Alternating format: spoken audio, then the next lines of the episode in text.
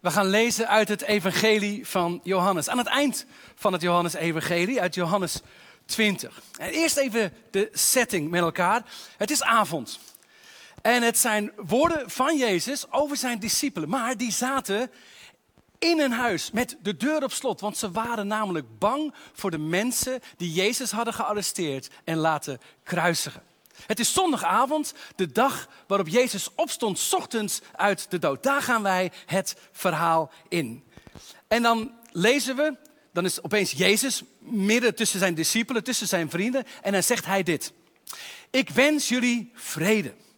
Zoals de Vader mij heeft uitgezonden, zo zend ik jullie uit. Na deze woorden blies hij over hen heen en zei: Ontvang de Heilige Geest. Woorden van Jezus voor zijn leerlingen. Ik weet niet of je ooit wel eens een film over het leven van Jezus hebt gezien. Maar het valt mij op dat de leerlingen vaak van die, van die dikke dertigers zijn. Weet je wel, van die types, die ruwe zeebonken, al wat meer op leeftijd. Maar er is eigenlijk heel veel voor te zeggen dat ze misschien veel jonger waren dan wij denken.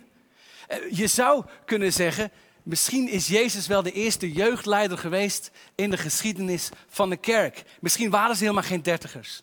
Er is veel voor te zeggen dat ze nog begin twintig waren, misschien zelfs nog wel jonger. En deze leerlingen, het waren er twaalf, die zijn met Jezus op stap geweest. Ze hebben drie jaar lang met hem rondgewandeld. Ze hebben zijn, zijn werken gezien. Ze hebben zijn wonderen gezien. Ze hebben zijn woorden gehoord. Je zou kunnen zeggen, drie jaar lang zaten zij op Jezus College. Ze zijn met hem meegelopen. Hij heeft hen leren bidden. Hij was hun rabbi. Dat betekent meester. En ze waren dus bij hem in de leer. En toen werd het examen, zou je kunnen zeggen. Ik weet niet of jij in een examenklas hebt gezeten het afgelopen jaar, dan ben je misschien wel een van die gelukkigen die door corona zonder examen toch de vlag uit, uit kunnen hangen, tasje eraan. Ik heb er zelfs een paar gezien toen ik hier vanmorgen heen reed, ook in Hilversum. Het kan ook zo zijn dat je juist de, de spanning van een examen nodig hebt om juist beter te presteren. Ik was zo'n leerling. Ik had altijd zesjes tot de examens kwamen. Daar haalde ik achter. Het is een soort, soort hoge drukpan waar je dan in zit. En dan ga je nog beter presteren. En het kan zomaar zijn dat je dat gemist hebt. En dat je juist daarom het nu niet gehaald hebt. Maar hoe het ook zij, gefeliciteerd als je het wel gehaald hebt. Sterkte als je nog een jaar moet overdoen. Maar de leerlingen van Jezus, zou je kunnen zeggen, die zijn allemaal gezakt. Ze zijn allemaal door het ijs gezakt. Want wat is het verhaal? Wel dit. Jezus is op een nacht gearresteerd. We hebben dat gevierd met Goede Vrijdag. Hij was in een tuin, Gethsemane, en er kwamen mensen met stokken en met zwaarden, Romeinen en religieuze Joden die Jezus uit de weg wilden ruimen. En je zou kunnen zeggen, dat was het moment dat zij hadden kunnen slagen voor hun Jezus-examen. Dat was het moment waarop ze hun, beste kant konden laten zien. Een tien zouden kunnen scoren, maar eigenlijk alle leerlingen zakken door het ijs. Verraden door een kus door Judas, verlogen door Petrus en verlaten door de rest. Ze laten Jezus in de steek, ze vluchten weg. Ze redden hun eigen hachie. Ze zijn gezakt. Eh, ik weet niet hoe dat in jouw leven is. Ik heb soms ook het idee dat ik Jezus af en toe als vriend heb laten zakken. Dat ik, dat ik soms ook meer voor mezelf koos dan voor Hem. Ik weet nog goed dat ik net christen was. Ik was 15 jaar, dat is 1987, lang geleden. En ik was 15 jaar en ik was net christen en vrienden van mij vonden dat maar raar. Die, die, die, hadden er niks mee. Die vroegen ook af, klopt het wel? Ben je gek geworden of zo? Weet je? Maar toen was er een feestje en een paar weken dus nadat ik tot geloof gekomen was, toen was er een feestje en drank was gratis. Nou, drank gratis, Kees, dat, dat was toen een soort prachtig huwelijk. Dus ik begon er eentje weg te tikken en nog één en nog één en nog één. En tegen de eind van de avond was ik echt ladderzat. Ik was dronken geworden. En ik weet nog dat ik in de wc-unit stond. En, en, dat daar dus allemaal mensen opeens om mij heen stonden. Die begonnen op de rug te slaan en op mijn schouder. Vrienden.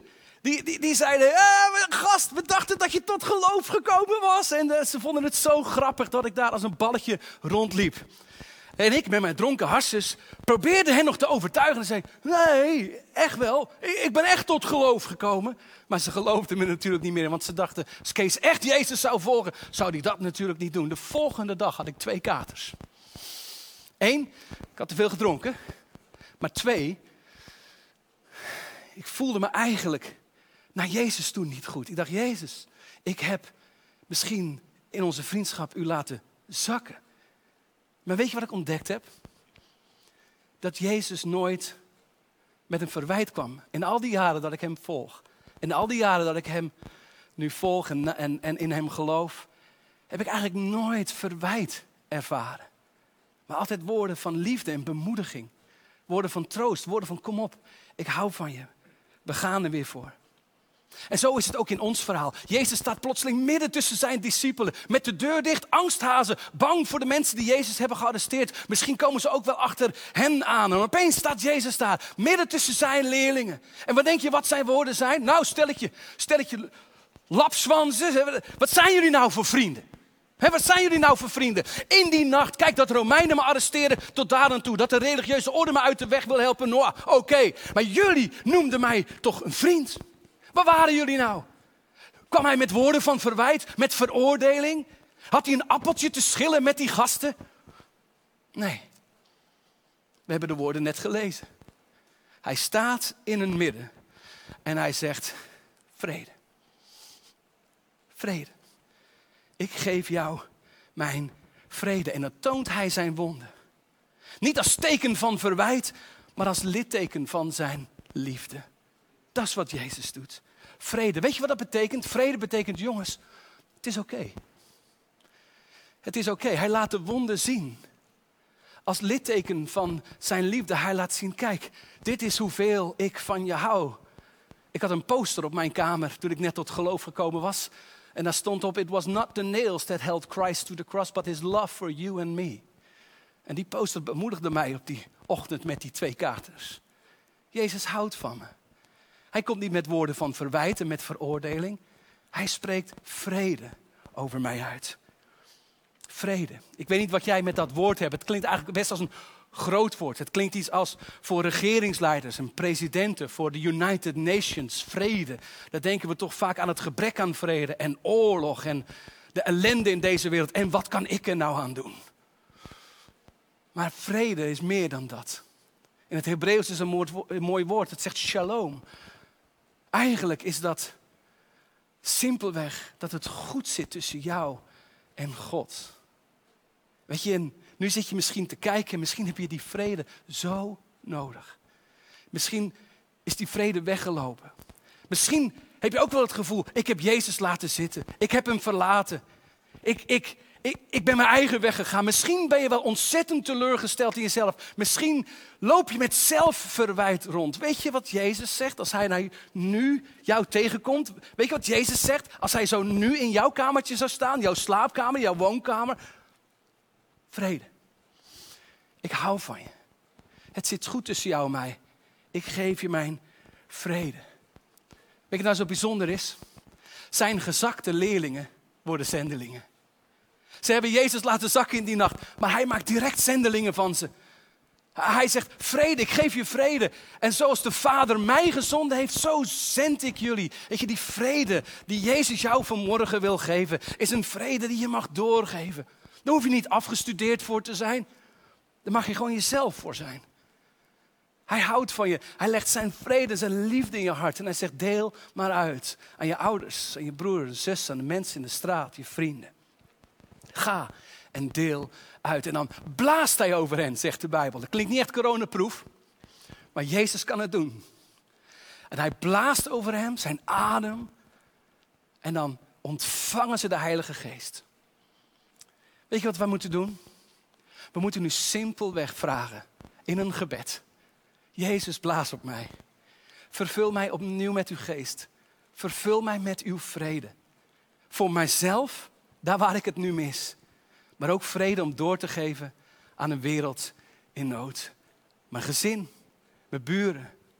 Laten we simpelweg de Heilige Geest nu uitnodigen. En zeggen, vervul mij met de vrede van Jezus. Zullen we samen bidden? Heer, Ik mis zo vaak die vrede. Misschien wij allemaal wel. En als u nu in onze huiskamer zou staan, wat zou u zeggen? Geen woorden van verwijt, maar woorden van liefde, woorden van vrede.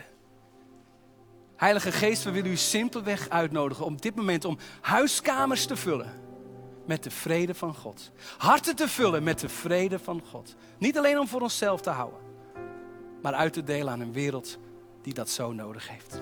Amen.